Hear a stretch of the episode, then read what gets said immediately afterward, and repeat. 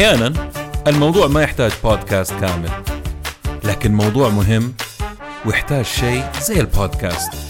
بس ما هو بودكاست شيء مختصر مفيد سريع. هذا Podsnacks زي التصبيرة كذا ال appetizer قبل البودكاست. Podsnacks نتكلم business مع ممدوح الردادي.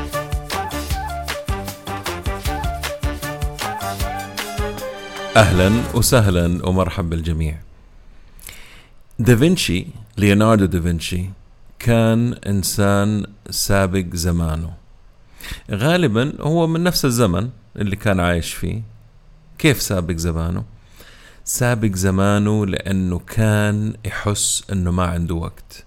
فبالتالي آه اللي يقرأ في تاريخ ليوناردو يكتشف إنه هو كان رسام نحات طبيب رياضي محلل مفكر آه مبتكر آه مخترع عشرين ألف حاجة. وكانت حياته عبارة عن مشاريع ورا مشاريع أشياء كثير منها ما أنهاها. لكن اللي أنهاه كان عمل إلى اليوم الناس يسألوا وكيف قدر هذا الإنسان يعمل العمل الفني هذا ويتقنه بالطريقة اللي عملها من ضمنها طبعا الموناليسا ولكن اللي يبحر في ليوناردو دافنشي راح يكتشف الشيء الكثير. هذا مو موضوع اليوم. موضوع اليوم كيف أنا أو أنت أو هو أو أنت تكون صاحب فكر مختلف رهيب يلفت الانتباه ويكون أو تكون الناس تبغى الشيء اللي أنت بتقدمه. هل يقدر الإنسان يكرر التجربة؟ هل أقدر أكون صاحب فكر رهيب ينتبه له الغير وبالأخص الجهات المهمة المحلية والعالمية؟ الجواب السريع طبعا لا. لا ما قلت إيوه. إلا إذا كنت فعلا تبغى الشيء وتدرب نفسك عليه. لا لأنه كثير صاحب كلام كبير وفعل قليل أو شبه فعل أو حتى فنان في البدايات ولكن ماله في النهايات. هذه أكثر من 15 صفة لازم تحاول تجمعها وتهتم فيها في حياتك أو حياتك بغض النظر عن مجالكم سواء كنت تبغى تكون صاحب المسلسل الجديد اللي راح يكسر الدنيا عالميا أو الكتاب الأكثر قراءة أو التطبيق اللي يغير حياتنا للأبد. أول الأمور لابد من تحديث معلوماتك في شتى المجالات مو بس مجالك أو عملك. تبحر خارج المياه اللي أنت متعود عليها. لابد أنك تتعلم كيف نفس طريقة الطفل الصغير اللي متعطش يتعلم لعبة عشان يلعب مع غيره ويفوز. ما هنا النقطة يبغى يبغى يفوز هو مو بس يبغى يلعب. الشيء الثاني أبتعد عن الافتك... الفكر الاختصاصي أو المختص التخصص وخليك مرن وتفهم في أمور كثيرة. يعني جوكر ممكن يشتغل هنا وهناك وفي هذا وذاك. العالم اليوم وبكرة يحتاجوا متخصصين أكيد لكن الهالة العظمى راح تكون تشتغل في أمور كثيرة لسهولة الحصول على المعلومة والتدريب والعمل. ثالث الأمور إنه ضروري يكون لك نظرة خارجية علوية شاملة للأمور والمواضيع. أتعلم كيف عملوا شغلة معينة وبعدها كمية العمل المطلوب للقيام بهذا الشيء. هل ممكن تحسن عليه؟ هل ممكن تنتقد العمل؟ ترقيه تضيف أو تشيل منه تسهله أكثر أو تقدمه لفئة مختلفة بطريقة مختلفة. رابع الأمور أدرس الشيء ولا تتفلسف فيه قبل ما تدرس وتفهمه وتهضمه بطريقة كاملة. خامس الأمور خليكي مبتكرة صاحبة فكر مختلف. أدرسي طرق الابتكار والفنون والعالم اللي سبقونا مثل ليوناردو دافنشي وغيره من الجيل الحالي. الابتكار بدونه الدنيا تموت أو تدخل مرحلة انكماش في كل شيء.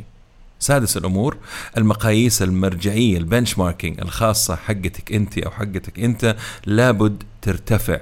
اولا أعرف وين العالم وصل وتحاول توصل لهذا المستوى لأنها واضحة. بعدها ترفع السقف عندك وتقدم شيء أعلى من هذا البنشمارك في عملك حتى لو أخذ منك وقت.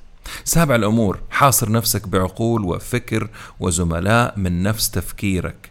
مو شرط نفس المجال لكن نفس الحماس والحس العالي والإبداع والابتكار. وأهم شيء العمل عند الاتفاق على تنفيذ أمر ما أو عمل مشترك. هذا راح يبان في الجاد من الكلمنجي أنا أسميهم الكلمنجيه اللي ما عندهم سالفة. وزعوا الشغل وانتبه إنك تقوم بالعمل كله بنفسك خاصة إذا كان عمل مشترك. كل إنسان أعطيه جزئية محددة وأختبر شوف مين اللي جاد ومين اللي ما هو جاد.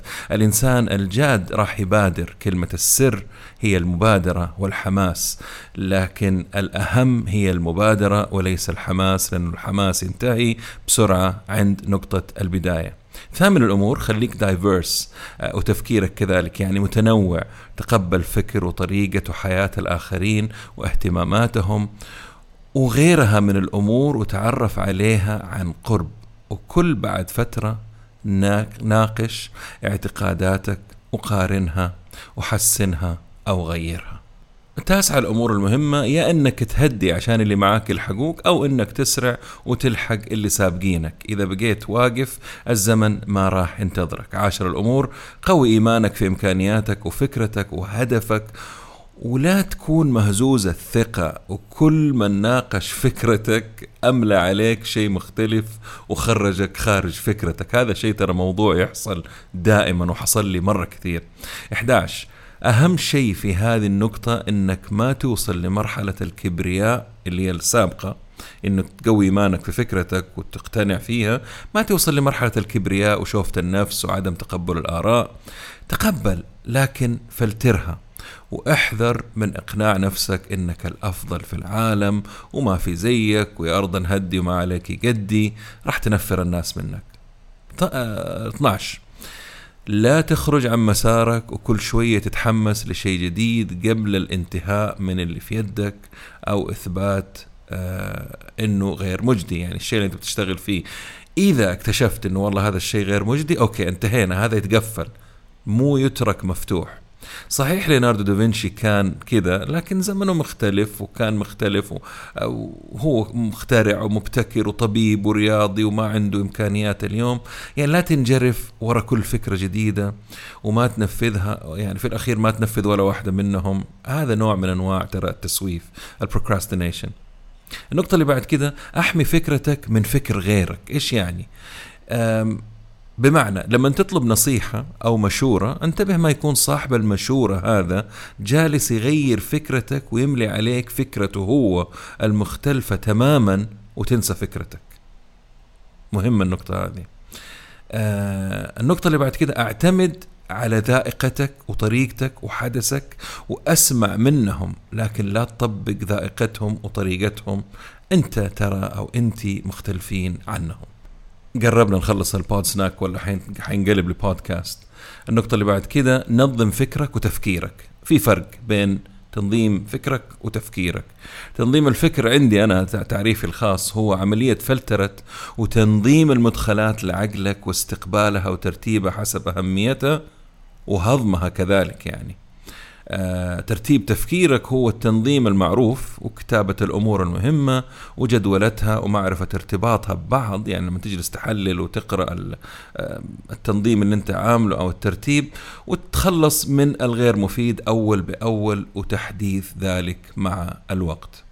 النقطة اللي بعد كده 16 عملية التحديث والتطوير لك ولفكرك وإمكانياتك ما تتم كعملية الدراسة في الثانوي أو الابتدائي أو الجامعة وغيرها هذه عملية مستمرة لا تتوقف نهائيا بل تتطور وتسرع مع وتيرة الزمن. يعني أنت تدري إنه كل شيء قاعد يسرع لكن لازم تكون أنت مواكب ودايناميك مع هذا الشيء. يعني لو فترة من الفترات شحت المعلومات ترى هذا تقصير منك وليس من العالم.